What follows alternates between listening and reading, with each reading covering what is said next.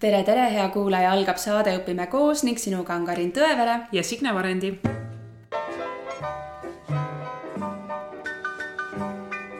täna on meil väga põnev külaline, kellele on põhjust ka õnne soovida. Novaatori lehelt võis lugeda, et Eesti esimene ja ühtlasi ka suurim riigigümnaasium, milles õpib viissada viiskümmend õpilast ja nelikümmend kaks õpetajat. selle kooli koolijuht on igati mitmekülgne ja innovaatiline proua Ülle Matsin, kes tervitab igapäevaselt õpilasi uksel. mis koolist juttu on, kas sa tead, Signe? muidugi tean, Viljandi gümnaasium palju õnne, Ülle Matsin Viljandi gümnaasiumile suure uhke tiitli puhul, et aastakool kaks tuhat üheksateist. aitäh, aitäh ja tere ka loomulikult. ja tervist. mitmekülgne ja innovaatiline koolijuht kas sa räägiksid enda teekonnast, kuhu, kuidas sa jõudsid sinna Viljandi riigigümnaasiumisse? Jaa, ma just mõtlesin selle sõna mitmekülgse juures, kui alguses seda siin sa tutvustusel ütlesid, et ma olen äh, viimased seitse aastat, kui see Viljandi gümnaasium on töötanud, siis ma arvan, et mitmekülgsusest on päris palju, võib-olla isegi vähemaks jäänud. et mina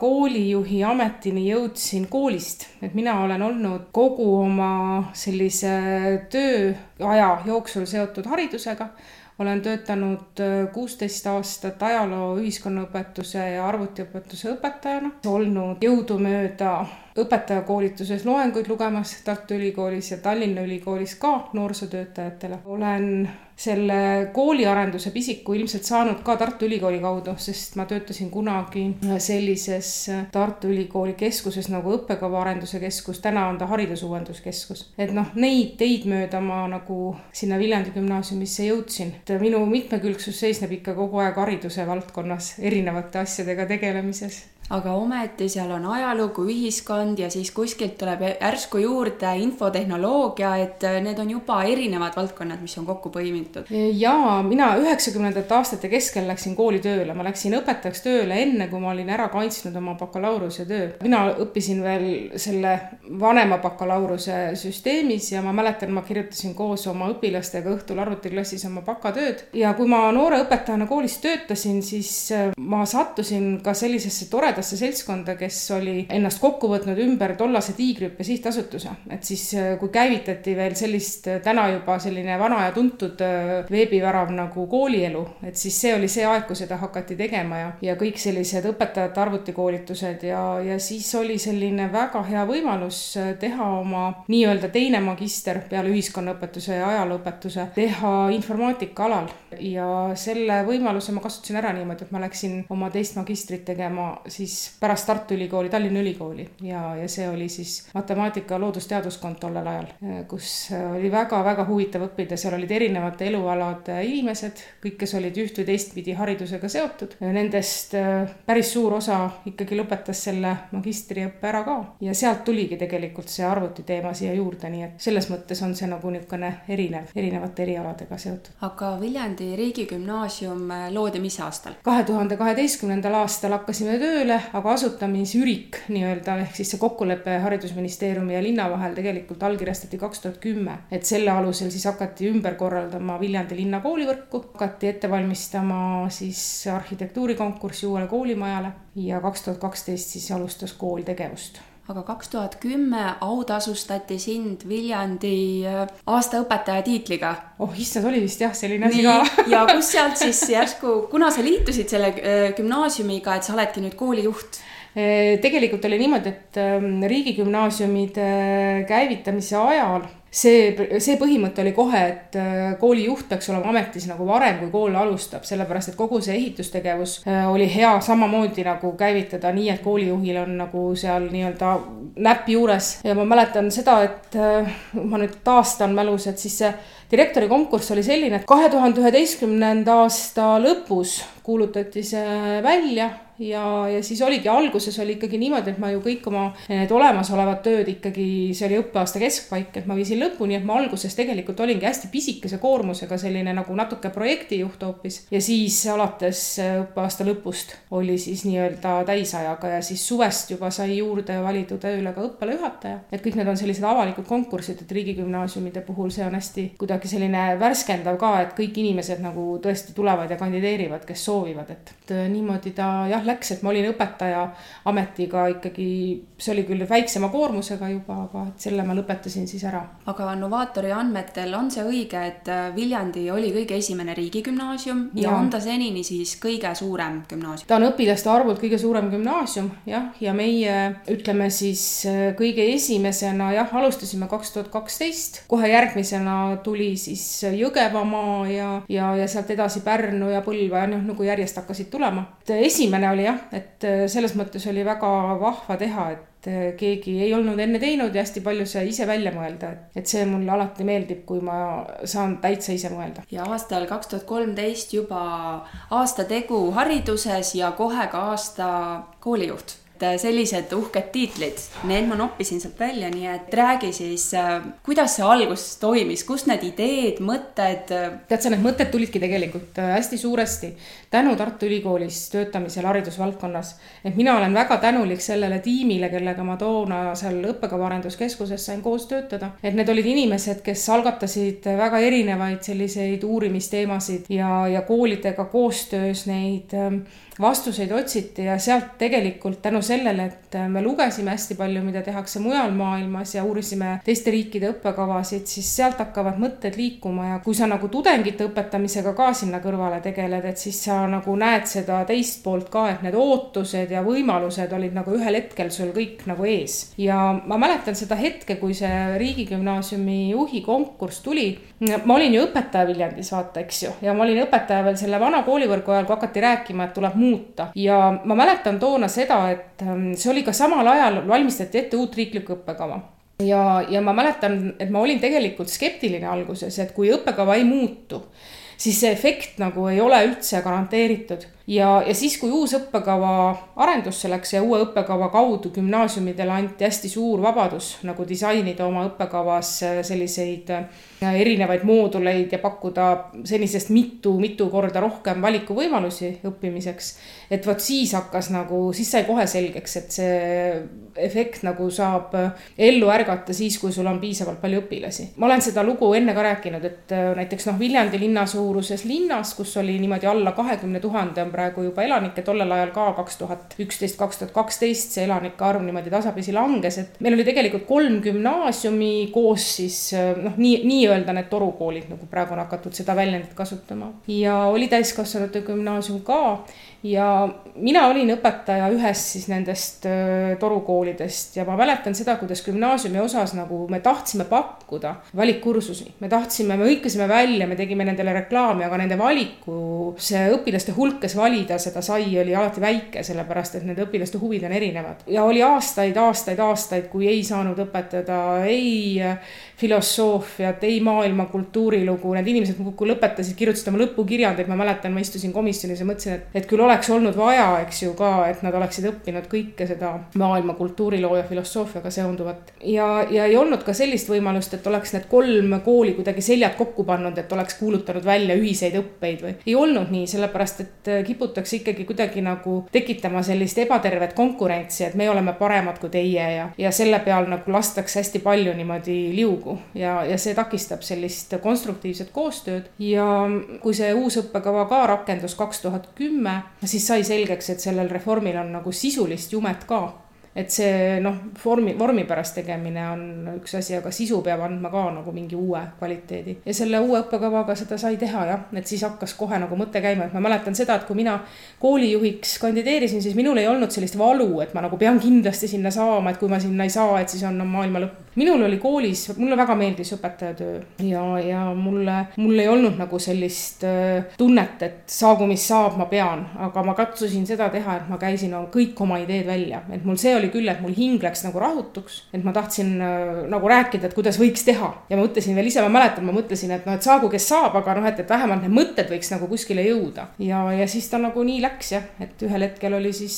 äh, see teadmine, et nüüd hakkad seda kooli tegema. meil ei olnud maja ju esimene aasta, meil oli selles mõttes ka eriline et me olime mööda linna laiali esimese aasta. minul ja Signel on kindlasti oma arusaam gümnaasiumist ja, ja kokkupuude ongi see, et kui me ise seal kunagi käisime, aga sa ütlesid, et sinul olid nüüd ideed ja mõtted, et mis kõik võiks seal olla. räägi siis, milline on üks tänapäeva gümnaasium, milline on Viljandi gümnaasium mm -hmm.? noh, tänapäeva gümnaasiumit, kui võrrelda nüüd näiteks noh ütleme veel siis viisteist aastat tagasi olnud keskkoolidega või gümnaasiumidega, siis see erinevus tulebki sellest, et ähm, olenevalt sellest, kui palju on koolil õpilasi, saab ta pakkuda välja siis selliseid spetsialiseerumise võimalusi vastavalt sellele, mis on sinu huvi või, või mida sa tahad näiteks edasi õppida. jah, just, et see võib olla õppesuunad, aga need võivad olla ka moodulid, see on mm. kooliti erinev, nii kuidas keegi selle süsteemi ise välja mõtleb. aga laias laastus tähendab see siis seda, et üks kolmandik õppekavast on sul võimalik sisuliselt disainida vastavalt sellele, mis on õppijate vajadus. ja seda saad sa siis nagu pakkuda erineval moel, et äh, kui sa soovid, sa võid äh, disainida nad koolipoolsete valikutena juba.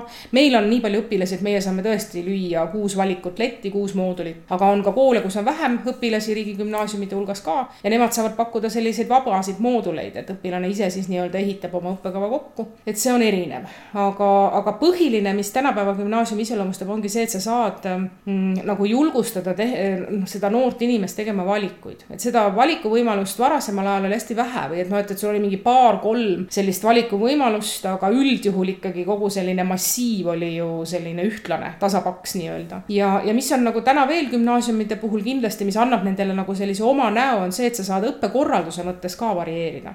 see, see vabadus on muidugi kõikidel, ka põhikoolidel, kui vaadata näiteks neid nutikaid põhikoole, kes on Eestis välja mõelnud igasuguseid lahedaid omanäolisi lahendusi, siis noh, tegelikult tõestus sellest, et saab põhikoolis ka teha, kuigi seal on seda valiku, valikõpperessurssi lihtsalt, valikuvabaduse pakkumise ressurssi on vähem, aga seal on jällegi võimalus kombine-, kombineerida nende valdkondadega, mis sul on. sa võid neid alati kokku lõimida ja pakkuda selliseid mõnusaid äh, pakette, eks ju, ja, ja, ja mismoodi see päev kõik välja näeb ja kogu koolinädal, et neid ähm, näiteid Eestis on põhikoolidest ka algpõhikoolidest, kuidas saab väga lahedasti teha. aga gümnaasiumid läksid pärast seda uue õppekava rakendamist jah, hästi, eriti need, kes olid siis need puhtad gümnaasiumid, läksid suure lennuga nagu sinna vabaduse suunas ja sellise kaasaegse õppedisaini suunas nagu kohe liikuma. ma arvan, et täna võib-olla ongi seis selline, et gümnaasiumid on hästi palju nagu rakendanud seda uuenduslikku õpet ja, ja nüüd on, eks tegelikult võiks anda nagu ütleme, põhikooli astmele võiks ka rohkem anda seda või siis vähemalt kuidagi julgustada, et seal võiks tekkida ka samasugune selline võimalus, et sest tegelikult, äh, kui nuputada, siis need võimalused on olemas, aga ta on selline hästi tihe ja,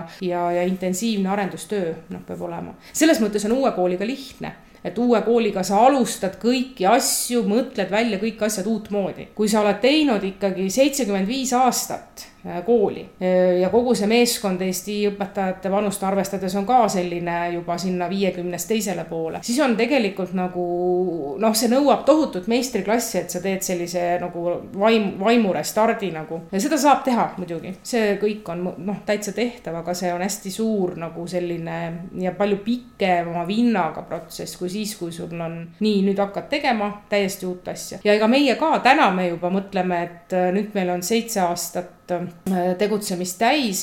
et nüüd nagu tegelikult on selliseid samme veel, mida tahaks veel, veel nagu edasi astuda, et. et ka meie tegelikult oleme selle seitsme aasta jooksul juba kaardistanud siukseid asju, mida võiks teha veel lahedamalt. et Eestis on tegelikult ju tekkinud selle aja jooksul koole küll, kes on väga ägedaid õppimise viise ja, ja, ja uusi lähenemisi ja, ja lõimimise viise ja, ja kõiki neid noh, välja mõelnud, millest õppida. ma olen seda meelt, et kogu aeg peaks vaatama, mida ägedat tehakse ja mõtlema sealt, et jagama neid häid mm. praktikaid, on ju. no kui mina gümnaasiumis käisin, siis oli kaks paralleeli mm -hmm. humanitaar ja reaalsuund ja kõik, et missugused suunad äh, on Viljandis? no meil on õpilaste arv selline, et meil on selline ligi ähm, viiesaja seitsmekümne õpilasega nüüd järgmisel aastal juba alustame, sest meil on olnud hästi suured lennud viimased. kui me startisime, oli nelisada seitsekümmend viis, nii et meil on sada õpilast juurde tulnud. meil on siis äh, matemaatika-füüsika õppekava, siis on loodus-reaalainete õppekava, ettevõtluse majanduse õppekava, võõrkeelte õppekava, humanitaarkunstide õppekava ja sotsiaalainete õppekava. nii et me pakume kuut õppekava ja iga õppekava on siis omakorda jagatud kolme moodulisse, et on siis kohustuslik, noh, see on see, mida on siis kõigil vaja ühtemoodi õppida, seda on Eesti, Eesti üldkeskhariduse õppekavas päris palju, seda on kuuskümmend kolm, ehk siis see tegelikult on kaks kolmandikku, eks ju, sellest on kohustuslik. võiks olla vähem, arvan mina. ja siis on teine moodul on see, mis on siis nii-öelda, mis annabki selle süvitsi minemise ja, ja selle valdkonnaga õppimise, selle valdkonna õppimise võimaluse, see on siis see, mida me oleme kokku pannud oma meeskonnaga, oleme välja arendanud selle õppekava mooduli. ja siis on kolmas moodul on selline, mida iga õppija siis ise igal aastal vabalt juurde valib. et ta on selline põhiõppemoodul suunaõppekava moodul ja valik, ülekoolilise valiku moodul. ja seal ülekoolilises valikus on siis need grupid on täiesti üle kogu kooli, ükskõik mis aasta, ükskõik mis õppekava, et see on täiesti puhtalt sellele. seal on väga sageli need, kes õpivad matemaatika-füüsika õppekaval, soovivad valida sinna kunsti juurde näiteks või, või need, kes õpivad humanitaarkunsti õppekaval, tahavad õppida näiteks juurde joonestamist või, või võtta endale äh, jah, et selles mõttes on nagu, seda valikut nagu on, et me oleme vaadanud, et oma kogukonnas see kuus valikut on päris hästi ennast õigustanud, et neid kõiki valikuid valitakse mm. -hmm. et ei ole ühtegi sellist, mida nagu, mis ei ole nagu kõnetanud inimesi et.... aga mis teadmise või kogemuse põhjal sa arvad, et seda kohustuslikku võiks vähem olla? ma arvan tegelikult selle põhjal, et äh, kui me mõtleme seda, et äh, see õppija valikuvõimalus ja selle läbi talle vastutuse andmine oma õpingute eest on hästi tõhus viis, kuidas sellist sisemist motivatsiooni toetada, siis ma arvan, tegelikult me võiksime liikuda selles suunas, et selline baas, keskhariduse baas, mis on kohustuslik, võiks olla ühtemoodi mahu, ühesuguse mahuga nii üldkeskhariduses, kutsekeskhariduses kui täiskasvanute hariduses. see tähendab, et selline baas, baas keskhariduse moodul, mida sa pakud, et see võiks olla selline, et inimene ka võib-olla alles avastab, et mis on tema tegelik suund, on ju, et noh, et ega meil on väga sageli nõnda, et äh, need noored, kes meile tulevad õppima, nad äh, noh, kui nad põhikooli lõpetavad, me kindlasti ei eelda, et ta nüüd teab oma sihte kuni, äh, eks ju, selle gümnaasiumi järgse ajani välja et ta ikkagi tuleb oma sisemise motivatsiooni ja oma senise kogemuse pealt. ja kui ta nüüd ütleme, sooviks näiteks tegelikult teha võib-olla poole aasta pärast hoopis näiteks teise valiku ikkagi, et ta tahaks õppida mingit eriala juurde. et siis sellisel juhul tänasel päeval ta peab ikkagi välja vahetama kogu oma õppekava, eks ju, et ta peab liikuma nii-öelda siis kutsekeskharidusse näiteks, et siis see, see liikumine erinevatel õpiteekondadel oleks tunduvalt lihtsam, kui see baasplokk oleks kõikidel nii-öelda samamahuline et see on võib-olla üks asi, mille pärast ma seda pooldan. ja teine asi on muidugi see, et meil on noh, meie, meie, meie õppekava iseloomustab selline, noh, ta on selline tohutult laiapõhjaline.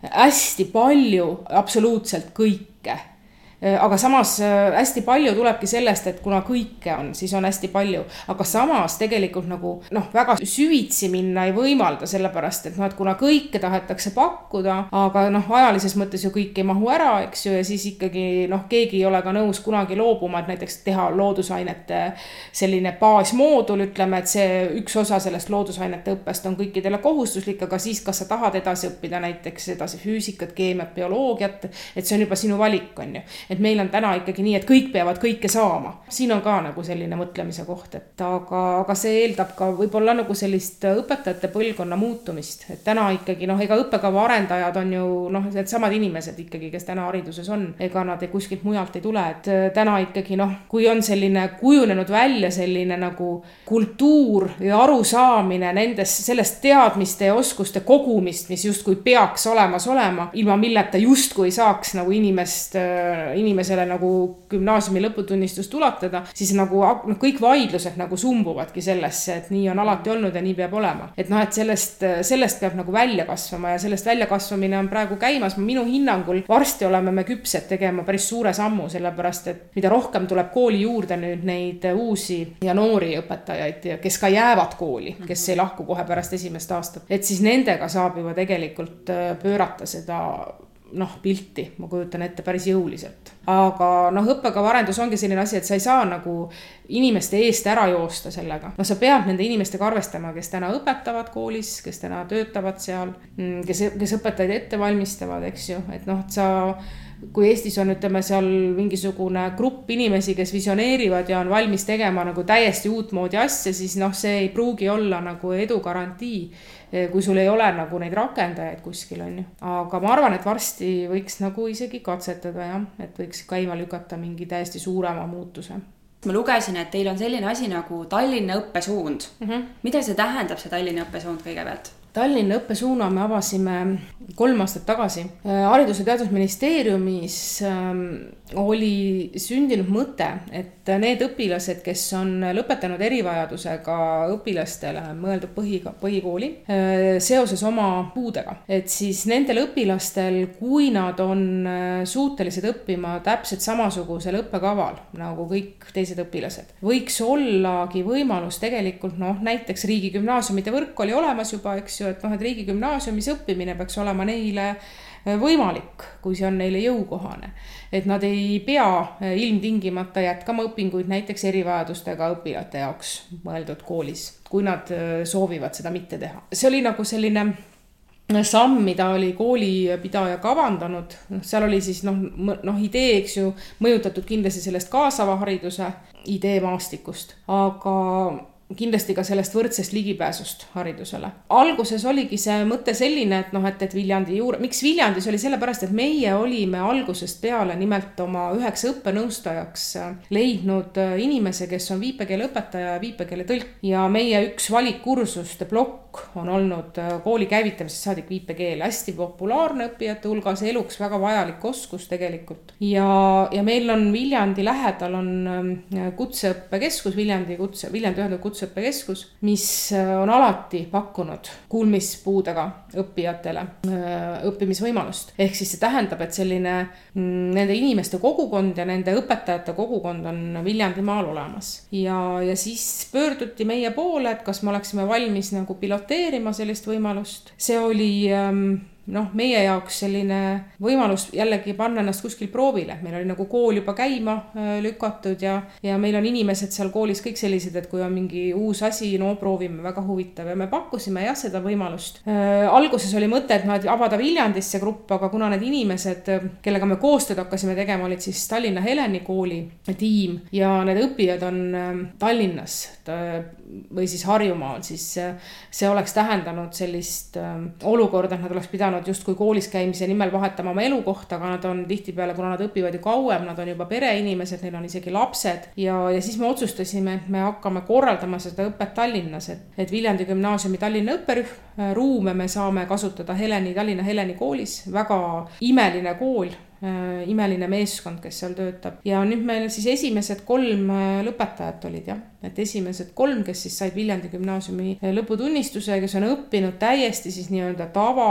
üldkeskhariduskoolis, et ei ole ühtegi erisust peale selle, et neile on tagatud see, et neil on olemas tõlk õppetöö jooksul et aga muidu on täpselt samasugustel alustel õpitud. no näed, siis küsimus võttis nüüd hoopis teise pöörde, sest ainult pealkirja lugemisest alati ei piisa, õppetund mulle, et tuleb süveneda teksti ka, et mina vaatasin, et ahah, et Tallinna õppesuund, et ei tea, mis nüüd on, tulevad õpilased Tallinnast, aga no ilmselt tuleb teile ka Tallinnast õppima Viljandisse õppima gümnaasiumisse, on selliseid juhtumeid, ma kujutan ette? jaa, meil on olnud, ähm, ma nüüd täna neid numbreid nagu kaasa ei võtnud siia vestlemise juurde, aga meil on olnud igal aastal Saaremaalt õppijaid, meil on olnud igal aastal Harjumaalt õppijaid. üldiselt on niimoodi, et kui riigigümnaasiumide võrk nüüd käivitub, kõikides maakondades on riigigümnaasiume, nad on oma hooned kõik ilusasti valmis ehitanud, siis sellisel juhul ilmselt see õpiränne väheneb ja see on ka nagu eesmärk, et ei pea, et see riigigümnaasium on kvaliteedimärk et sa saad alati seal teatud viisil äh, õppetöö endale. Ja, ja riigigümnaasiumid tagavad ka seda, et kuna nad teevad koostööd, et siis sa saad ka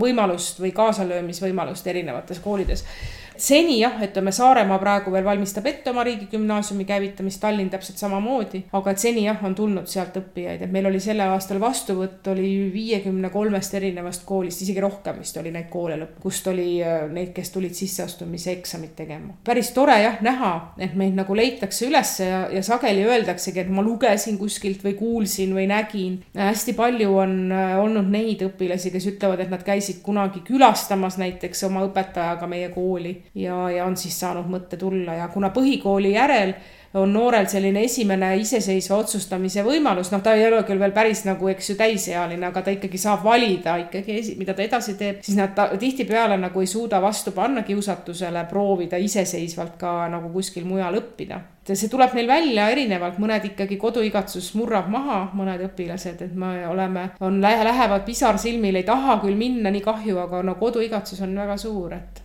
mõned ei saa, ei pea vastu. aga milles see koostöö gümnaasiumite vahel seisneb või siis hakkab seisma, kui kõik maakonnad on saanud? meil on riigigümnaasiumide vahel juba täna tegelikult äh, selline tore koostöö, et on kevadine valikkursuste nädal et on gümnaasium, riigigümnaasiumid on erinevad, oma õppekavalt erinevad, oma õppekorralduselt erinevad. Need gümnaasiumid, kellel on kevadise õppeaasta jagatud nõnda, et kevadel on valikkursuste nädal, need gümnaasiumid teevad siis seda, et nad lasevad registreerida õppijatel ükskõik siis millise kooli juurde. et et see nädal aega on siis võimalus tulla teise riigigümnaasiumisse, võtad oma madratsi ja magamiskoti kaasa ja nädal aega õpitakse ja läbitakse selle nädala aja jooksul siis üks kolmekümne viie tunnine kursus. et see on selline koostöö, mis on juba mitu aastat käinud. pluss see, et meil on tegelikult tehniline võimekus olemas teha ka sellist üle videosilla õpetamist, et ma arvan, et see lähiajal kindlasti ka leiab juba täiesti praktilise väljundi, et praegu teda on planeeritud ja oleme sellest palju rääkinud. Tehniline võimekus on olemas, nii et õige varsti ilmselt on ka see, et kui kuskil riigigümnaasiumis on väga lahe tund või, või mingisugune väga lahe praktikum või on mingi legendaarne õpetaja kuskilt maailma teisest otsast kohale lennanud, et siis seda saab transleerida kõikidesse riigigümnaasiumidesse aga mis siis on see kõige populaarsem valikkursus, mida tullakse Viljandisse kevadel õppima? Meil nüüd seda kevadist valikkursuse nädalat endal ei ole, meil on natukene ah. teine õppekorraldus mm. -hmm. aga, aga ma tean seda, et need koolid, kes seda pakuvad, need on siis Kagu-Eesti piirkonna koolid, koostööd tehakse siis Kagu-Eesti koolide ja seal on Ida-Virumaal Jõhvi, nüüd kindlasti liitub ka Kohtla-Järve selle koostööga erinevatest kohtadest, et nad, need kursused on hästi erinevad, et seal on sellise praktilise suunitlusega ja siis on ka selliseid teaduse põhilisi, et meil selles mõttes on, on tore, et kuna riigigümnaasiumide õpetajad ja juhtkonnad teevad koostööd omavahel ka, et see võrk ei ole mitte lihtsalt, et on olemas need koolid, vaid et see Haridus-Teadusministeerium koolipidajana on kogu aeg nagu seda äh, püüdnud äh, üles ehitada ka omavahelise, inimestevahelise koostöökohana, et siis mõeldakse välja igal aastal uusi asju. piirkondlik koostöö, äh, üks asi näiteks, mis puudutab nüüd Paide riigigümnaasiumi, siis kes esimest aastat nüüd töötas, et siis Paide, Rapla, Viljandi tundub, et hakkab olema üks selline selline kolmik, kes äh, tulevikus planeerib mõningaid tegevusi ühisena, siis äh, Kagu-Eesti koolid Põlva, Võru, Valga, nemad on juba, nemad teevad juba selles piirkonnas päris palju asju. Nemad olidki esimesed, kes sellise regionaalse koostöö riigigümnaasiumide vahel ellu äratasid ja siis äh, ma arvan, et nüüd Ida-Virus kindlasti Jõhvi ja Kohtla-Järve, eks ju, need on nagu sõsarkoolid omavahel koostööd teevad, et see on äh, selline võimalus, mida tulevikus rohkem hakatakse tegema. mida võiksid ka põhikoolid rohkem teha et...? kindlasti ja, ja ma arvan, et on mingid põhikoolid ka Eestis, kes teevadki mm. seda ju, eks, et ma arvan, et see on noh, nagu ma alguses ütlesin ka, eks ju, et gümnaasiumid on nüüd selle eestlendamise teinud, et põhikoolid äh, kindlasti saavad sellest inspiratsiooni ja, ja, ja teevad samamoodi nende ägedate koolide eeskujul, kes on juba praegu välja mõelnud selliseid alternatiivseid õppimise vorme. no sa mainisid seal eelpool kuskil jutu sees, et te olete selline seltskond, kes läheb nende uute tuultega ikkagi kaasa ja otsib ja katsetab, et mis on need asjad, mis te olete võib-olla siin seitsme aasta jooksul katsetanud ja loobunud, saanudki aru, et ai, see ikka ei sobinud meile, see ei olnud hea. ahaa, no ma täitsa pean mõtlema. Ehm, võib-olla üks viimane kogemus oli selline, et me proovisime teha äh, ühe sellise Äh, kursuse ühiskonnaõpetus oli see, me proovisime teha puhtalt väliste lektorite põhiselt. see tähendab, et äh, otsustasimegi nii, et kõik praktikud, kuna ühiskonnaõpetus on Eesti äh, gümnaasiumi õppekavas täna suunatud sellele, et õpetada noorel inimesel just sellist noh, ühiskonnas olemasolevate võimaluste raames toimetamist ja oma ideede elluviimist, et just praktika poole pealt hästi oluline, et ta näeks, kuidas asju teha saab. et otsustasime, teemegi terve õppeaasta vältel selliseid praktikute loenguid õpi selle ühiskonnaõpetuse raames ja selle käigus avastasime, et need praktikud saavad tulla täpselt sellel ajal, kui nad saavad tulla ja see natukene tõi kaasa sellise harali mineku nende teemade kokkusobitamise osas ja, ja see oli näiteks meie selle kevadine selline kokkuvõte kogemusest, et äh, järgmisel aastal ikkagi õpetaja hoiab seda nagu rohkem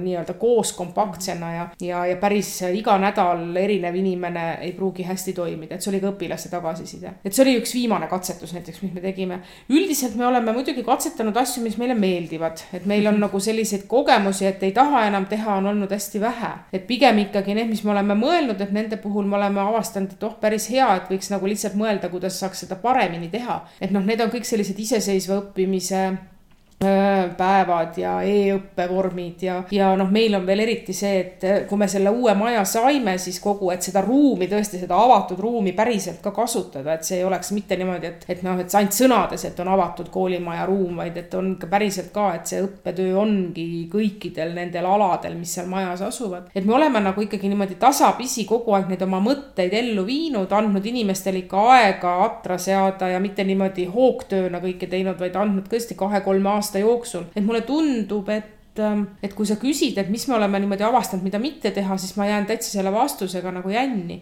kas teil selline asi on äh, ka olnud või äh, mõttes olnud, et kuna need õpilased tulevad erinevatest äh, koolidest, et on mingisugune sisseelamiskursus, oleks vaja kasvõi see, et, et see koduigatsus väga peale ei tule, et sihuke mm -hmm. ühis, ühiselt liita meeskonda mm. -hmm. ja siin on, on koole, kes teevadki kohe sellise laagri enne kooliaasta algust, et noh, meil on nüüd õppijaid nii palju, et me nagu sellist ühist ühist laagrit on keeruline teha, aga me oleme teinud alati kooliaasta alguses sellise hea stardipäeva. see tähendab, et meil on esimene koolipäev on täiesti teistsugune, see tähendab, et me saame kokku ja meil on erinevad sellised meeskonnaülesanded, on eraldi aeg, et üksteisega tuttavaks saada, on aeg selleks, et me tahame ka rääkida, et mida me ootame oma õppijatelt ja näitame neile nagu ennast selle mõttega, et me, mida meie nagu arvame ja, ja sooviksime ja et nad saaksid meiega tuttavaks, et selline päev päev on meil ette nähtud ja siis on meil riigigümnaasiumides üleüldse on õppenõustamine, et see õppenõustamise funktsioon, selle kooli toomise eesmärk oligi just see, et lisaks sellele mentorile või vanas süsteemis on klassijuhataja, et lisaks sellele mentorile või rühma juhendajale või kuidas keegi koolis seda nimetab, meie nimetame teda õpperühma juhendaja ja selle õpperühma juhendaja funktsiooniks on olla siis mentor ja nõustaja. Ja neid on noh, ütleme igal sellisel õppekava rühmal on siis üks või kaks sellist mentorit pluss üks õppenõustaja. Ehk siis tegelikult on selle õpilase ümber nagu väike võrgustik, et me väga-väga nagu tahame saavutada seda, et see noor inimene õpiks oma asju ajama, et tal oleks, ta tuleb tihtipeale meile gümnaasiumisse sellise kogemusega, et ta ei julge üldse kellegi poole pöörduda, ta ei julge oma õpetajatega rääkida, ta arvab, et nõustamine, ta ei ole võib-olla kokku puutunudki, tal on olnud sellised mured, millega ta on olnud suhteliselt niimoodi üksi või on see kodused ka siis olnud nagu hädas, et ei ole saanud nagu, nagu välja rääkida neid asju ja nõu pidada, et siis me oleme proovinud tekitada sellise võimaluse, et selle, et selle gümnaasiumi õpilase jaoks on alati olemas nagu inimene, äh, kaks või kolm inimest, äh, kelle poole ta võib äh, pöörduda ja kes ka jälgivad, kuidas tal läheb. et mitte ainult see, et me ootame, kas ta tuleb või ei tule ja kas nad ei tulegi, aga et me ka jälgime, kuidas tal läheb ja, ja vaatame ja kui me midagi märkame, siis me küsime ise. et selline suhtlemine, et meie noored on ka välja toonud seda, et meie koolis nad nendega nagu suheldakse, et see on hästi tähtis. et noh, et selline inimeste tasandil, selline igapäevane tihedam suhtlemine, mitte ainult see, et me tunnist tundi, et noh, see kõik see taust tegelikult, et iga inimene on oma erineva looga ja noh, gümnaasiumi puhul ka, et ma mäletan, kui me alustasime, siis nii mõnigi kord, kui meie juures käidi siis nagu vaatamas, mida me teeme, siis imestati, et mis mõttes nüüd õpilaste, õpilaste nõustamine, et teil on ju gümnasistid, et mida te siin enam nõustate, siis tegelikult on see ülioluline, et see gümnasist on just oma noh, ütleme, ta on välja kasvanud võib-olla sellisest äh, ajast, kui ta on olnud täiesti juhitav, et ta nüüd hakkab ise tegema oma valikuid ja sellega kaasneb ka see, et ta satub väga selliste võib-olla palju keerulisemate küsimustega vastakuti. Ja kõik see noh, täiskasvanuks saamise aeg ja oma elu elamise ja suhete aeg sinna juurde. põhikoolis me õppimist toetava hindamise siis vaimus püüamegi seda valikute tegemist õpetada või, või toetada neid selles, aga jah, see võtab veel päris kaua aega, kui see sinna, kui siis selline õpilane sinna gümnaasiumisse jõuab, kes juba oskab ise kõiki neid valikuid teha ja seda vastutust võtta, et läheb veel aega jah, jah, et see valik, vaata valikuga ongi see lugu, et valikuvõimalus käib alati käsikäes vastutuse võtmisega ja siis ongi niimoodi, et noh, väga tihti tehakse see otsus tuleb jube ruttu et noh, et, et oh, nad ei oska veel vastutada, ärme laseme valida, eks ju, mm. et, noh, see on selline, tegelikult peab otsima kogu aeg seda balanssi, et seda tasakaalu kohta. selgitada, noh, me vahest õppealajuhataja just ütleb, et kui küsitakse, no mida te siis nende noortega teete ja siis ta vahest, kui on selline intensiivne tööfaas koolis, ütleb, et me räägime, räägime, räägime ja räägime ja räägime, et see on selline kohati ka täiesti lõputu rääkimine. aga see mentor on lennupõhine, on teil nagu klassid või see on kuidagi meil on õppekavarühmad, et noh, ütleme näiteks humanitaarkund kunst, eks ju, on üks õppekava ja täna on siis ütleme ikkagi iga aasta rühma jaoks on olemas oma mentor või kaks mentorit et see sõltub nüüd sellest, meil on nagu selline kool, kus on õppijaid on palju ja õpilaste ja õpetajate suhtarv on selline, et päris igale rühmale kahte mentorit ei jätkugi. aga, aga need mentorid teevad tõesti omavahel koostööd, nii et meil on tegelikult need õppekavarühmad on hästi tugeva identiteediga. et me oleme ka mõelnud seda, et mis on selle süsteemi eelis näiteks sellise täiesti vaba moodulõppe ees. et siis me oleme nagu vaadanudki seda, et tegelikult ähm, see on omaette väärtus, et noori liidab ka üks huvi. et noh, et kui kokku saavad kunsti ja humanitaarhuvidega noored, siis nad ka leiavad omavahel hästi sellise ühise keele ja, ja seetõttu need õppekava, noh, õppekavarühmadel on nagu selline identiteet tekkinud meil. see on väga äge, et sa näed seda, kuidas see ühine huvi näiteks matemaatika ja füüsika vastu või täppisteaduste või loodus loodusteaduste vastu või ettevõtluse vastu, et see nagu tegelikult seda noh,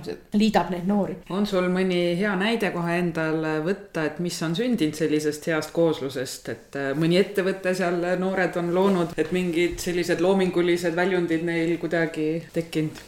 noh, humanitaarkunsti suunaga mul tuleb kohe see meelde, et nende õppekava äh, rühma õpilased on äh, tuumik meie teatristuudiost näiteks. Nad on etlejad, nad on sellised muusikaga tegelejad, nad on näitlejad. meie matemaatika-füüsika õppekava noored on noh, sellised tohutud olümpiaadikäpad, et nemad on need, kes armastavad siis selliseid täppisteaduste võistlusi ja, ja see tuleb jube hästi vä- ah,, ja muidugi majandusettevõtluse õppekava, kuna meil on õpilasfirmad integreeritud õppekavasse, nii et see on kohustuslik, et iga selle õppekava õpilane, teised võivad seda ka muidugi valida endale moodulisse, aga, aga et kui sa õpid sellel õppekaval, ettevõtluse majanduse õppekaval, siis on kohustuslik see õpilasfirma asutada ja see kogemus läbi teha. et nad on saanud erinevalt ikka tuult tiibadesse, et on neid noori, kes on ka pärast kooli lõpetamist seal kogukonnas jätkanud mingit väikest ettevõtlust. noh, ütleme see erinev, iga õppekava selline erinev vaimsus, et see tuleb väga lahedalt esile näiteks viimase koolikella aktusel. et siis nad saavad kõik sõna, kõik need õppekavarühmad, neil on oma traditsioonid, mida nad siis teevad, annavad noorematele midagi üle,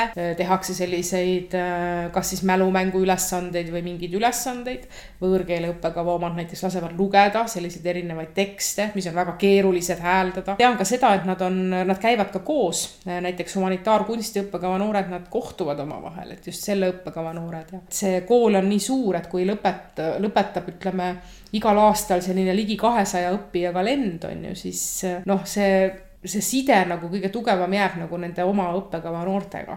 ei, mitte alati mm, -hmm. sest meil on üldiselt on selline, me oleme kogu aeg hästi palju pingutanud, et hoida ka sellist ülekoolilist, väga head omavahelist sellist suhtlust, et mitte nagu kapselduda nende õppekavade sisse. et see, seda me oleme ka püüdnud, aga me oleme alati lugu pidanud sellest, et õppijatel on erinevad huvid ja meie õpetajad on järjest rohkem osanud arvestada sellega, et et äh, on õppijad, kelle huvi ongi kuskil ühes valdkonnas kõige rohkem ja et see on ka selline õpetajatel olnud õppimise koht et äh, kuidas sa arvestad sellega, et nendel noortel inimestel, keda sa õpetad, on erinevad huvid. aga mis asi on õpilasvarjunädal? õpilasvarjunädal jaa, see on selline, et ühe nädala vältel on võimalik registreerida ennast siis meie kooli, äh, kui sa ei ole veel gümnasist, sa oled alles põhikooli õpilane, sa võid ennast registreerida meie kooli õpilaseks nii-öelda õpilasvarjuna. ehk siis sa saad endale ühe õpilase, äh, kes on sinu nii-öelda noh, sinu kaaslane selle nädala vältel ja siis sa teed läbi selle koolipäeva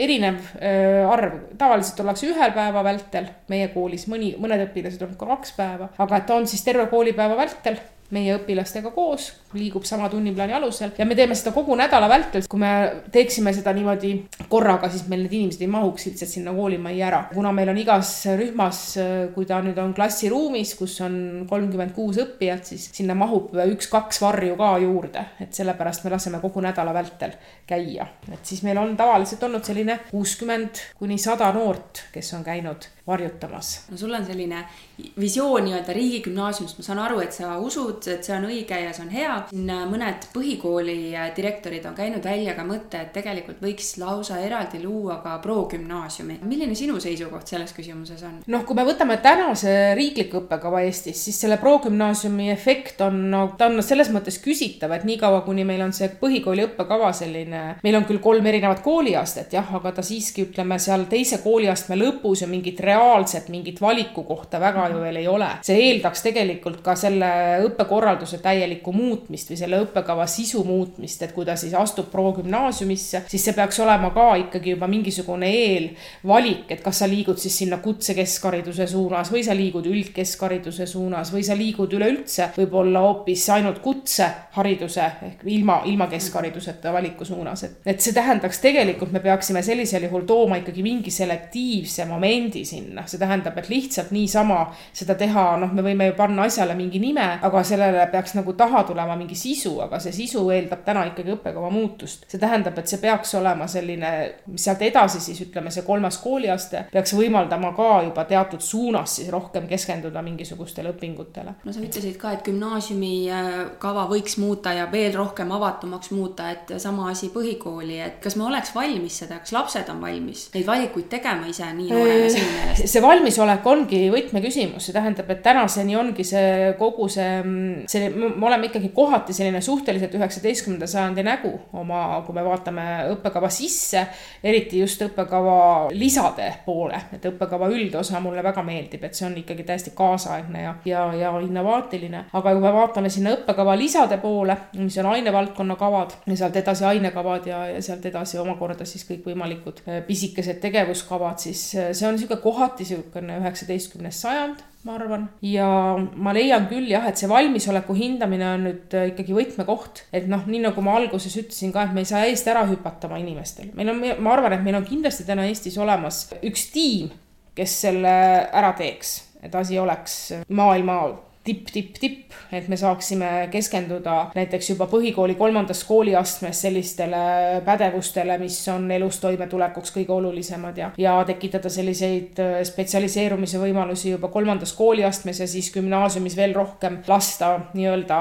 valida ja vaadata, kuidas see õppimisteekond kujuneb erinevate koolide vahel. et ma, ma arvan, et täna on kindlasti olemas Eestis see nii-öelda inimeste hulk, kes oleks valmis sellise sisulise asja valmis kirjutama välja töötama. võib-olla isegi me saaks ära piloteerida, sest meil on väga palju väga lahedaid koole. ma ei julge öelda, et me saaksime nagu nüüd kogu Eestiga niimoodi teha ära selle suure sammu. ja kindlasti ei ole ka ilmselt mõeldav, et hariduses tehakse siukseid tohutu tuulega toimuvaid kannapöördeid, et ikkagi tuleks nagu vaadata ja vaagida ja jälgida ka seda, mida mujal maailmas on tehtud ja küsida nende käest vot sedasama küsimust, et kas on midagi, mida täna teeksite teistmoodi. et ma arvan, et juba seda küsimust peab ka kindlasti küsima, et iga uuenduse juures kui keegi on kuskil seda kunagi teinud, siis on mingid kogemused, mida tuleb arvesse võtta, õppida nagu teiste vigadest, eks ju. -hmm aga see küpsuse küsimus jah, et ma arvan, et me varsti oleme valmis, et kui eh, praegu ikkagi riik eh, Haridus-Teadusministeeriumi kaudu hästi palju pingutab, et saada noori ja uut põlvkonda kooli,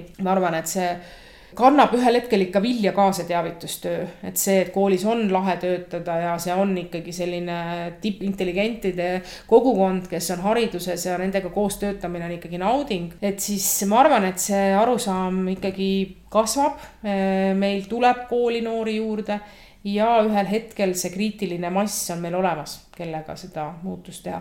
hariduse muutuste puhul on alati see, et meil on nüüd tohutu põlvkondade sihuke järjepidevus, et noh, et kui me vaatame seda, et täna õpib teise kooliastme õpilane koolis, tema vanemad on õppinud omal ajal, siis nende vanemate vanemad on õppinud, et see on see sajandipikkune nii-öelda kogemus, eks ju, et noh, et mida eeldatakse või mida oodatakse koolilt. ja kaasaegsele koolile on väga oluline vastata ka ühiskonna ootustele ja kogukonna ootustele. see tähendab, siia tuleb mängu, see on nagu selline kolmemõõtmeline pilt, et, et mitte ainult ei ole enam asi selles, et kas me oleme haridusinimestena valmis mingi muutuse läbi tegema.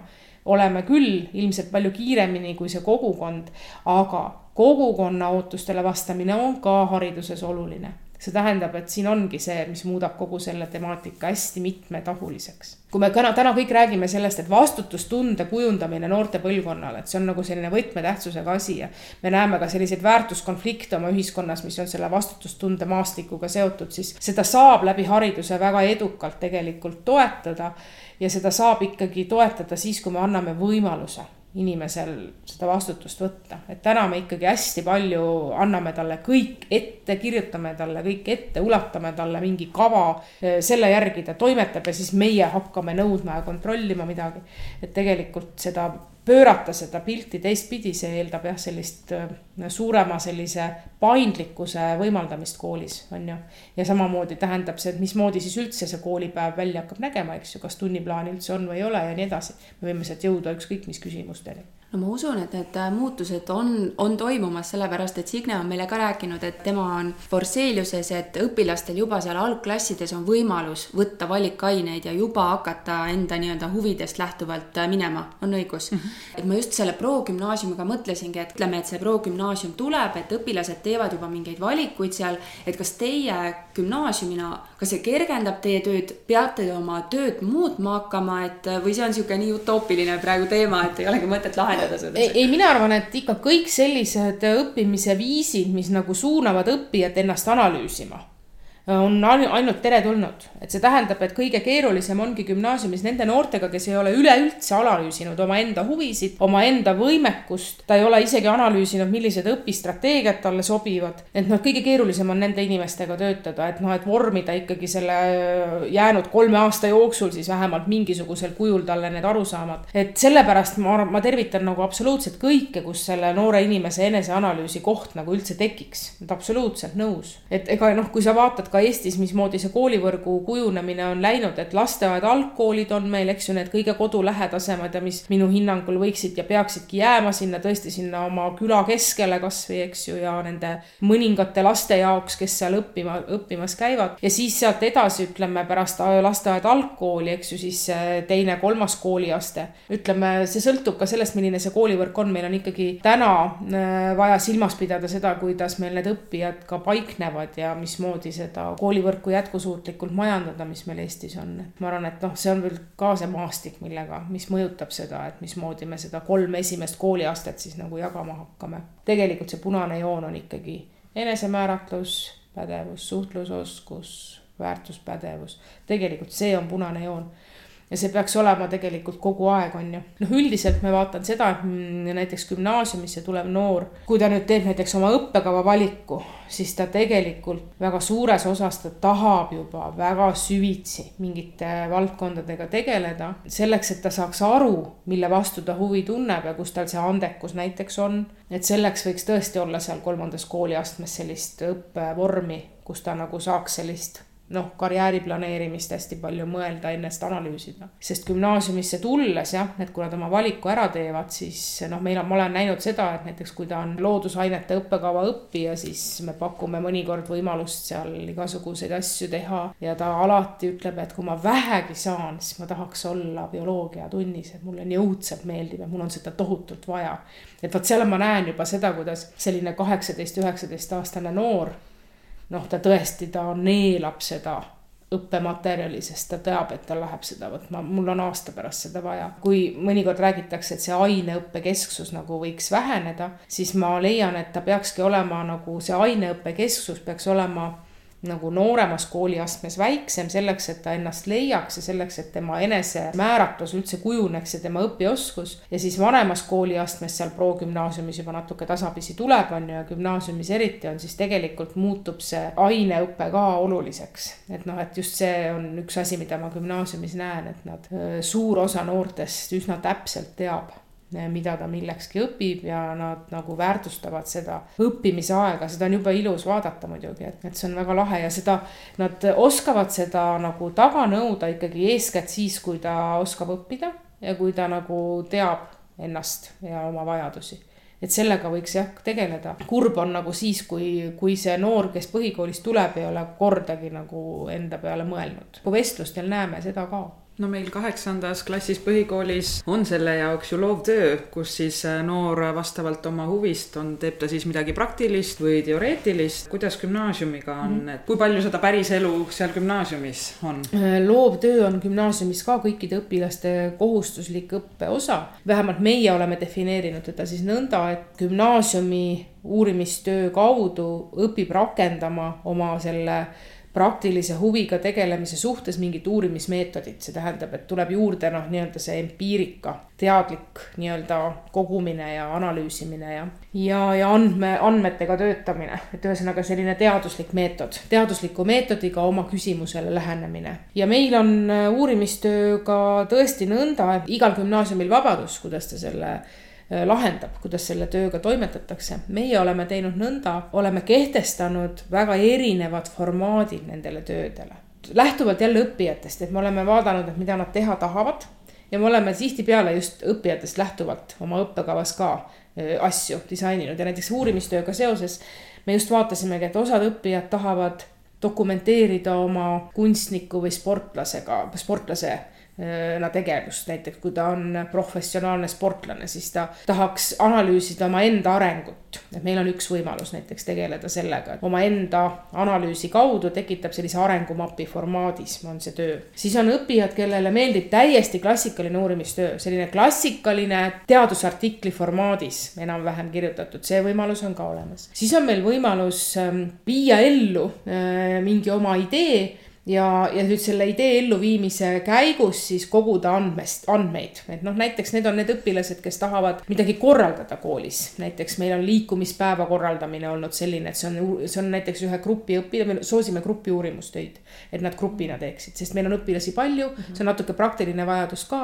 et individuaalselt me ei jõuaks iialgi seda, meil on korraga, korraga tegelevad oma tööga ju nelisada noort ja kui meil on seal natuke üle neljakümne õpetaja, kes täistööga töötavad, siis noh, selge see, et noh, et päris kümmet uurimistööd igaühte individuaalselt juhendada, et see on nagu tohutu koormus, et me oleme ikkagi soosinud selliseid grupitöid ja, ja nüüd on need õpilased, kes viivad näiteks ellu mõne kooli sündmuse, siis koguvad tagasisidet osalejatelt ja, ja analüüsivad seda ja, ja panevad kogu selle nii-öelda tegevusuuring, jah, et on tegevusuuring. siis on meil olemas selline, noh, õpilasfirmadega on täiesti eraldi, et me lasemegi õpilasfirma on majandus- ja ettevõtluse õppekaval kohustuslik ja see on seotud siis selle uurimistööga, et nemad tegelikult oma selle äriplaani või siis õpilasfirma tegevuse nii-öelda ülevaatena saavadki selle oma nii-öelda huvi ära kaardistatud. et me oleme nagu teinud sellise süsteemi, et need uurimistöö, mis nii-öelda õppekavas on sõnaga uurimistöö mm. -hmm. ja kõige halvem variant oleks siis kehtestada üks formaat, et kõik peavad kirjutama teadusartiklit, on ju. et meie oleme selle asemel siis jah, kehtestanud niimoodi terve tabelitäie erinevaid tööformaate.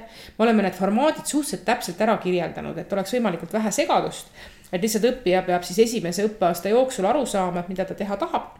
siis esimese õppeaasta kevadel ta registreerib oma teema ära lepib kellegagi õpetajatest siis kokku, kes tema juhendaja on ja, ja siis teeb seda tööd ja meie lubame seda teha kuni kolmanda aasta kevadeni välja. üldjuhul soovitame küll ära kaitsta tõesti teda kolmanda aasta talvel juba või siis teise aasta kevadel. ja väga tore on ka see, et meil on kooliväliseid juhendajaid, ehk siis me alati ütleme noortele, et kui teil on oma kogukonnas keegi, kes soovib, et te midagi uurite, kas näiteks on kodukandi ajalooga seotud või on mõnel õppijal on olnud ka näiteks oma noh, pereettevõtte juures on vaja näiteks täiesti konkreetselt midagi teha, mida tuleb nagu teadustööna võib-olla saab esitleda. Või on näiteks Tartu Ülikoolgi teinekord pakub. meil on olnud keele ja kirjanduse valdkonnas on olnud uurimistööd, kus meie õpilased on kogunud mingit andmestiku juppi ja analüüsinud mingit osa andmestikust, mis on tegelikult mingi suurema granditööga hoopis ülikoolis seotud, et siis need on alati hästi tänuväärsed, et on osad õppijad vähem siis meie õpetajate juhendada aga noh, see on selline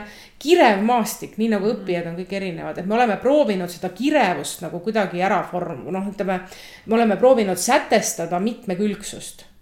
see on tohutult keeruline, et see kõige lihtsam on ikkagi öelda, et kõik teevad ühtemoodi või noh, okei okay,, äärmisel juhul kahte moodi. aga noh, et sa võimaldad ikkagi kuute-seitset erinevat formaati et sa proovid nad aga tõesti kõik nagu noh, ära kirjeldada niimoodi, et iga formaat on ikkagi ka võrdväärne, eks ju. et ei ole nii, et üks on siis hästi raske ja, ja üks on lihtsalt niisama. et me oleme tohutult pingutanud, et sellist mitmekülgsust oleks, et see valiku, vot valikuvõimalus, valikuvõimalus, kogu aeg räägid, aga tegelikult see tähendab arenduse mõttes koolis ikkagi seda, et sa kogu aeg noh, sa mõtled kogu aeg seda, et kuidas sa nagu sätestad, sest kõik peab olema ju sätestustasandini, dokumendi tasandini, et kuidas sa seda teed, et see oleks võimalik kogu aeg peab olema nagu mingid ideed peavad peas käima minule tuli vahepeal siin teema, et kuna me hiljuti tegime intervjuud uuest äh, liikumise ainekavast, Maret Pihu oli see, kes ütles, et äh, kindlasti uurige, mis toimub Viljandi gümnaasiumis. ja kui ma Viljandi gümnaasiumi kodulehe lahti võtsin, siis hopla, üllatus, täiesti üllatuslik sõna oli seal, et kehalise kasvatuse korraldus. no kuidas see kehaline kasvatus teil siis korraldatud on, et see veel eraldi punktina kodulehel välja on toodud? ja meil on ta eraldi punktina sellepärast, et noh, et elu nõuab, on ju, et kui sa teed midagi teistmoodi, siis tegelikult sa pead seda inimestele seletama, on ju. Ja sellepärast on ta seal eraldi olemas ja, ja meil on kehaline kasvatus tegelikult korraldatud nõnda, et õpetajad, ähm, kes hakkasid meie kooli kehalise kasvatuse ainekava arendama, nad tegelikult äh, lõhkusid kogu selle kehalise kasvatuse ainekava riikliku laiali ja hakkasid seda kokku panema õpitulemuste ehk siis õpiväljundite nii-öelda kaupa ja, ja hakkasid seda kokku panema sellel printsiibil, et õppija saaks nagu valida sellise liikumise viisi, mis talle kõige rohkem meeldib, et selle meeldiva liikumise viisi kaudu nagu hakata neid õpitulemusi saavutama kehalises kasvatuses ja siis selle tulemusena nad tekitasidki siis neli pluss üks plokki. ehk siis meil on neli äh, põhiplokki, mida saab kolme aasta jooksul on siis ära jagatud niimoodi, et esimesel aastal, kui õppijad alustavad,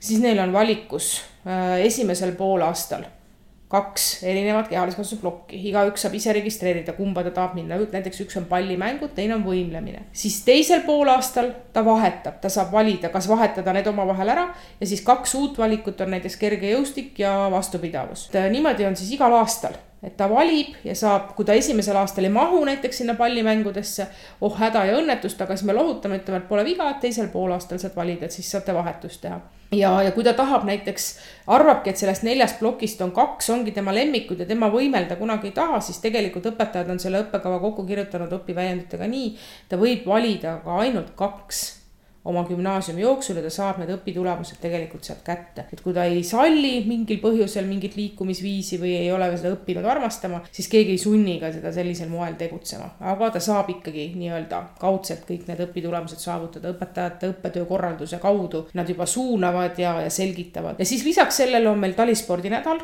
igal aastal, sealt tuleb siis see talispordiga tegelemine ja kolmandal aastal, teisel poolaastal me enam valida ei lase, siis on vetelpääste, see tähendab, et selline veeohutus ja, ja see asi on siis kohustuslik kõikidele. et see on siis, kui nad on juba kooli lõpetajad sisuliselt. et esiteks, et see inimene nagu näeb, et see, kuidas mulle meeldib liikuda, on oluline info meie jaoks, et seda arvestatakse tema nii-öelda liikumisõpetuse kavandamisel ja, ja loomulikult see, et äh, mismoodi sa siis hindad, et see kehalise kasvatuse selline äh, uus kontseptsioon tegelikult tuli ka sealt, et noor inimene peab ise aru saama, et see on tema jaoks hea, mida tehakse. ja selle tõttu õpetajad näiteks võtsid kasutusele enesehindamise ja kehalist kasvatust me oleme läbivalt kogu aeg hinnanud siis nõnda, et kui kursus lõpeb, siis iga õppija hindab ennast ise. ta kirjutab mm -hmm. enesehinnangu ja nüüd selle hindamise järel alles siis õpetaja vaatab, kuidas õpilane on ennast hinnanud, siis ta räägib õpilasega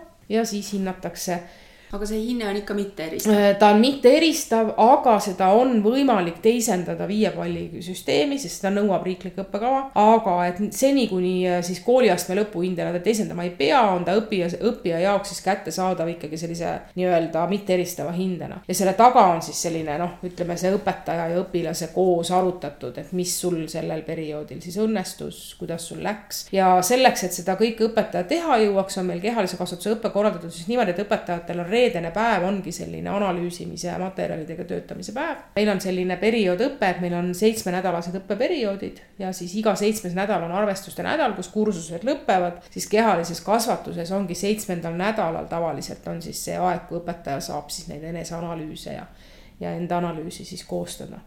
et me oleme andnud ka õpetajatele selle aja, et nad saavad seda teha ja ja, ja siis on need õpilased, kellel on näiteks tervisemuresid, et me oleme ka äh, mõelnud, et kuidas need, mida nendel õpilastel nagu vaja on, et siin ei ole me mõelnud mitte, et koolil on vaja, et nad midagi ära teevad, vaid et mida sellel inimesel on vaja, kellel tõesti näiteks on nagu seljavaludega probleeme või liigesevaludega, noortel on väga palju neid muresid. et siis on selline tervisevõimlemine, et ongi nendele, kes siis nii-öelda on ikkagi omal jalal kooli tulnud, et ikkagi nad saavad seda liikumisõpetust siis just läbi selle tervisevõimlemise. hästi palju on suunamist, suhtlemist nende funktsioon on nagu teistsugune kui sellel nii-öelda sellel ebameeldival kehalise kasvatusel, mida väga paljud inimesed koolist mäletavad, kus tegelikult eesmärk oli pigem nagu õpetajal või koolil hoopis on ju.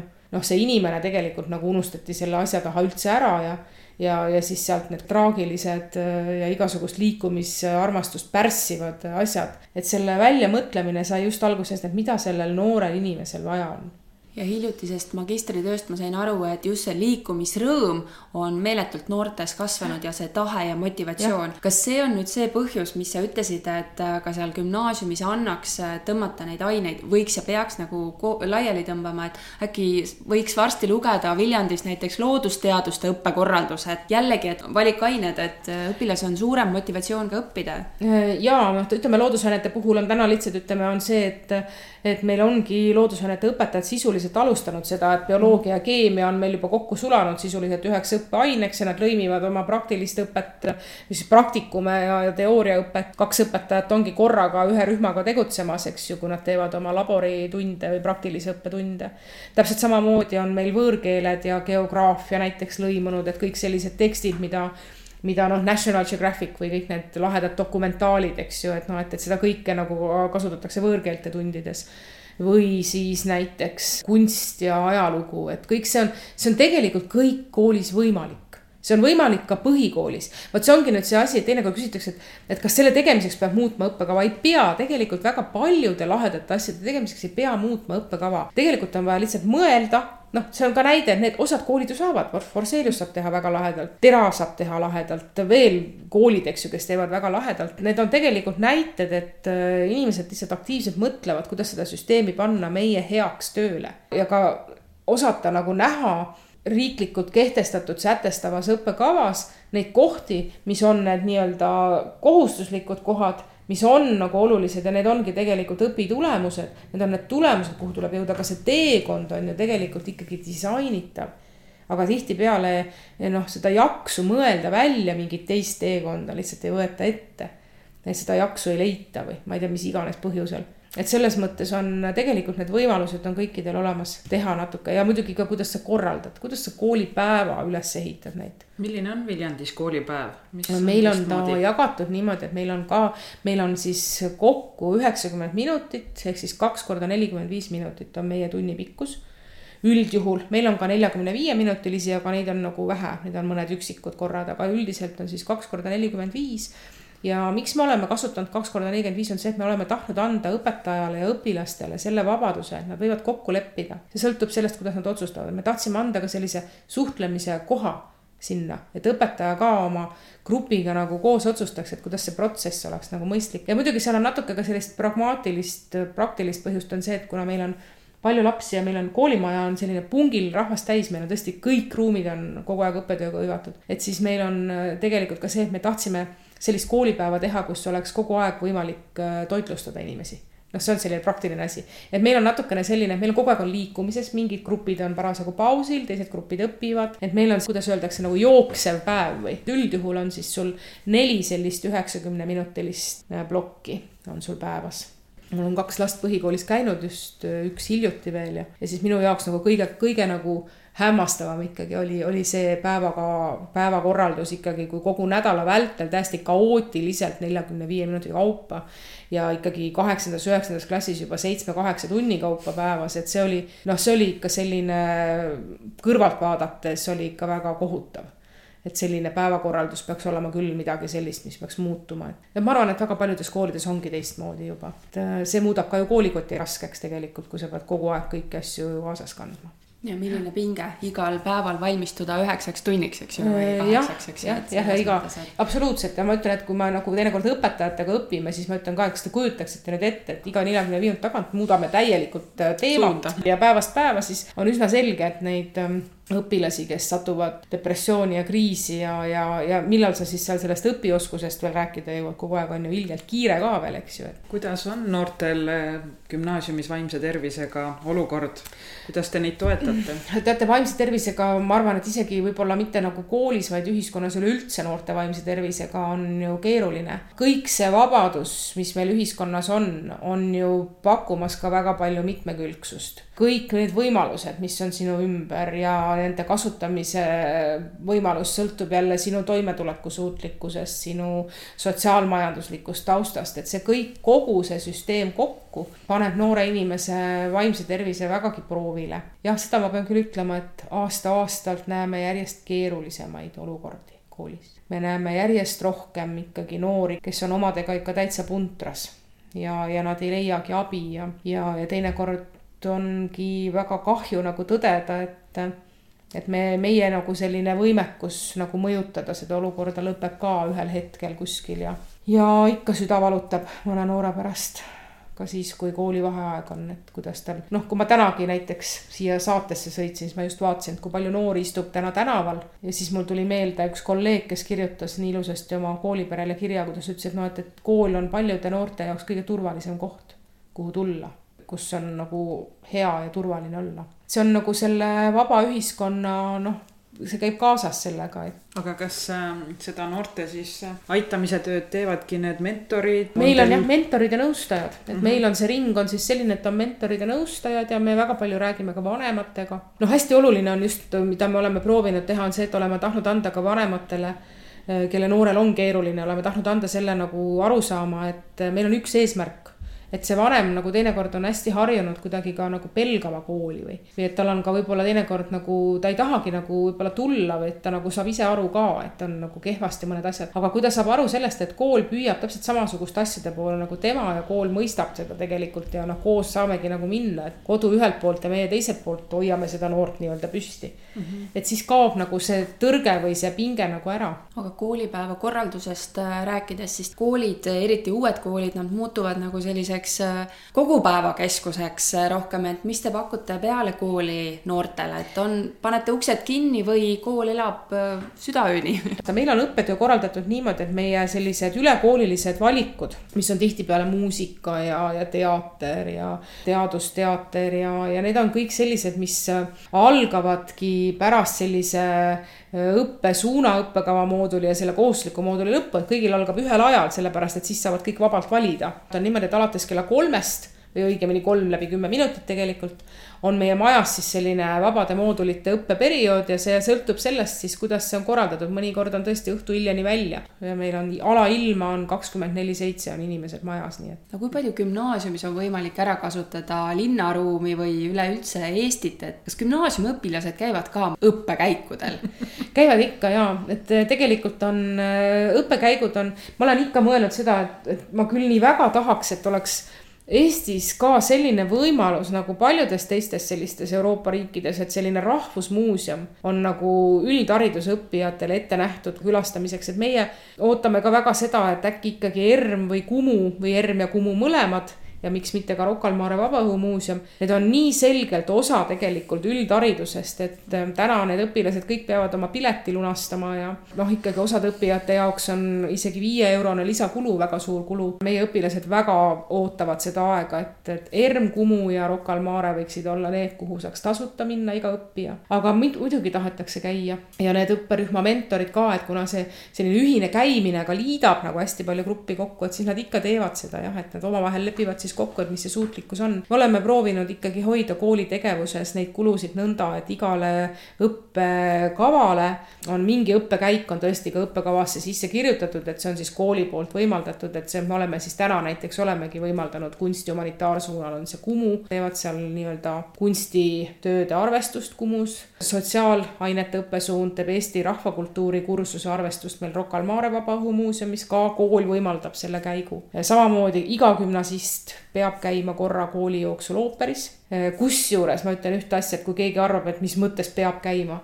mina olen näinud ühte meie vilistlast, kes tuli meie viienda aasta kooli sünnipäevale ja tema esines siis ähm, ooperilauluga, ta õpibki klassikalist laulu ja kui me siis pärast rääkisime, et kus siis see mõte tuli minna, siis ta ütles, et teate, mina käisin esimest korda elus ooperis gümnaasiumis ja kui mina seal ooperis käisin, siis ma mõtlesin, et vau, vot seda ma tahan õppida ja täna ta õpib klassikalist laulu.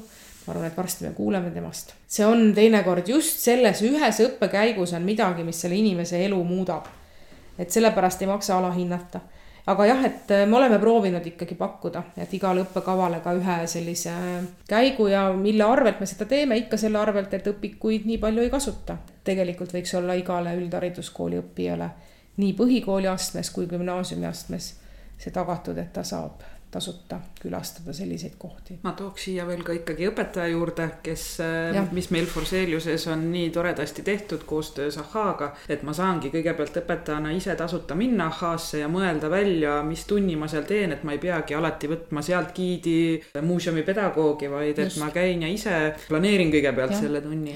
me oleme siin saate käigus nüüd rääkinud äh, hästi palju õpilastest, oleme rääkinud sinu mõtetest, natukene siit välja noppinud, vähemalt mina enda jaoks, et millised ootused sul on justkui sellele põhikooli lõpetajale, et ta sinna gümnaasiumisse tuleb, aga nüüd räägime õpetajatest ka, et äh, kes need sinu meeskonna moodustavad ja, ja kuidas sa seda meeskonna hoiad, et nad tuleksid nende ideedega kaasa ja, ja oleksid inspireerivad noortele? õpetaja puhul on äh, küsimus number üks, äh, mis on minu jaoks oluline, on see, et õpetaja peab tulema hommikul tööle arusaamisega, et ta teeb tõesti seda tööd, mida ta armastab. et kui muidu ma kujutan ette, et võib olla täiesti selliseid elualasid, kus see ei ole küsimus number üks, võib-olla, võib-olla, kuigi mina ei oskaks niimoodi elada, aga õpetajana ei saa töötada, kui sa ei ole kindel, päris ei tea ikka, kas ma ikka väga tahan koolis töötada. pead nagu seda noorte põlvkonda aktsepteerima ja sa pead armastama seda mis valdkonnas sa nii-öelda oled see ekspert koolis, et sest iga õpetaja enam ammu muidugi ei ole see, kes kõiki teadmisi ainult teab, aga et ta vähemalt oma sellise entusiasmiga ja, ja oma sellise tohutult laia silmaringiga peab olema oma õppijate nagu ees. et see iga õpetaja peab olema nagu inimene, kes annab õpilasele rohkem kui see, et tal on vene keel või, või inglise keel või, või, või kirjandus vaid et ta inimesena peab olema ka nende noorte ja nende õpilaste jaoks midagi, et ta saab nagu olla inimesena ka õpetaja. ma olen vahest küsinud oma äh, tudengite käest või noh, täiendõppes näiteks oma nende õpilaste käest, kes mul auditooriumis istuvad, et proovi meelde tuletada nagu, mis on need asjad, mida koolis õppimine on sulle andnud ja need asjad, mida nimetatakse, nad ei ole kunagi, et noh, et, et ma õppisin lahendama ruutvõrrandit või et ma õppisin selle valemi, millega ma saan tapeedi panekul arvutada asjad välja, neid ei nimetata kunagi. vähemalt esimeste asjade hulgas, neid kindlasti edasi võib-olla nimetatakse, aga esimeste asjade hulgas on alati see, et selline enesekindlus ja maailma asjadest arusaamine ja koostöö tegemine, erinevate inimestega suhtlemine. Et need on kõige tähtsamad asjad. Ja sellepärast on õpetaja eeskätt ikkagi inimesena ka, et ta seal koolis olles on äh, nende noorte jaoks olemas. ma alati nagu naudin seda pilti, kui õpetaja jääb oma õpilastega rääkima juttu, istub kuskile sinna akna äärde maha, et noh, seda on ilus vaadata. et äh, just selline omavaheline suhtlus õpilaste ja õpetajate vahel, seda ma ootan õpetajatelt, et ta nagu äh, ei oleks oma kastis kuskil suletud maailmas ja et ta tahab seda tööd teha, sellest hakkab kõik pihta. mis on need Viljandi pärlid, millest me ei ole veel rääkinud? me oleme päris paljust rääkinud, üldiselt on selline lugu, et äh, ma kutsun alati vaatama, et tulge vaadake, kui teil on mõtteid, äh, kuidas näiteks koos arutada mingite teemade üle oma meeskonnaga saame kokku, arutame, õpime koos. mis puudutab Viljandi gümnaasiumit, siis ma julgen täna juba öelda seda, et, et minge riigigümnaasiumidesse minge ja rääkige ja vaadake. just see puhta gümnaasiumi formaat ka, mis ei ole veel tegelikult ju Eestis ikkagi valdav, valdavalt ju ei ole kõik puhtad gümnaasiumid, et siis valdavalt on just nimelt teistsugused koolid, et, et minge ja vaadake just seda, noh, küsitakse, et mis selle nagu efekt siis on, et see on ka tegelikult lisaks sellele, mis me siin rääkisime, on see vaimsus, mis tekib selle ühevanuste noorte, kes on teinud mingi teadliku valiku õppimise suhtes kui nad siis tõesti seal koos kõik õpivad ja kui sa sellele heale kõigele hoogu annad, mis seal tekib, siis see vaimsuse teke, see erilise vaimsuse teke, see on tohutult nauditav. et see ongi üks asi, miks, ähm, miks on puhas gümnaasium väga äge. ma olen selle täielik pooldaja. ja muide, ütlen siia lõppu veel selle ka, et äh, kui me Viljandis hakkasime seda kooli tegema, siis mul oli üks seltskond, kes tuli kohe mulle selja taha. ja need olid need kes olid kuuekümnendatel aastatel õppinud Viljandis äh, keskkoolis mis oli puhas keskkooliklassidega kool. see gümnasist oli seal linnas niisugune, noh, ta oli gümnasist, eks ju, ja, ja täna ka, kui ma Viljandist sõidan autoga või kõnnin ja ma näen neid gümnaasiumi noori, kes tulevad meie kooli poolt või lähevad, no seda on ilus vaadata, nad on sellised intelligentsed, vaimsed, aga tulge vaadake, arutame, eriti ma naudin just neid koostööettepanekuid, kui tahetakse koos õppida midagi, et, et see on väga lahe no sellega on ilus sind lõpetada, et aitäh sulle, et sa tulid Viljandist Tartusse jagama meiega oma mõtteid ja õppisime meie siin kõik ühiselt koos, saime teada, kuidas gümnaasiumis elu käib. Ja see tundub nii põnev, et ma ei tea, ma tahaks gümnaasiumisse tagasi minna, et kahjuks seda võimalust vist minul ei ole, aga noh, vaatame, ehk, ehk jõuame Viljandisse jälle külla, et me tegelikult Signega oleme käinud Viljandi gümnaasiumis külas, me ei suutnud küll meenutada mis põhjusel me sinna sattusime või miks, aga, aga me oleme seal igal juhul olnud ja seal aatriumis istunud, koolitoitu mm -hmm. söönud mm -hmm. ja klassidesse ka piilunud, et hästi-hästi tore ja, ja sulle soovime, ma ei tea, mis me soovime sulle siis, särasilmseid noori õpetajaid, kes tulevad mm -hmm. sinu muutustega kaasa ja neid ilusaid hommikuid, kus sa saaksid õpilastele öelda tere hommikust ja siis sa näed, kuidas sinu kolleeg jääb õpilastega vestlema. aitäh sulle. aitäh. järgmise korrani. Kuulmiseni kui sinagi said koos meiega täna uusi mõtteid ja inspiratsiooni, siis anna taskuhäälingule hoogu juurde. likei, jaga ja kommenteeri meie postitusi sotsiaalmeediakanalites. kui soovid taskuhäälingut Õpime koos toetada, siis täname sind annetuse eest MTÜ Tartu Loomemaja arveldusarve kontole. kõik vajalikud lingid leiab saate kirjeldusest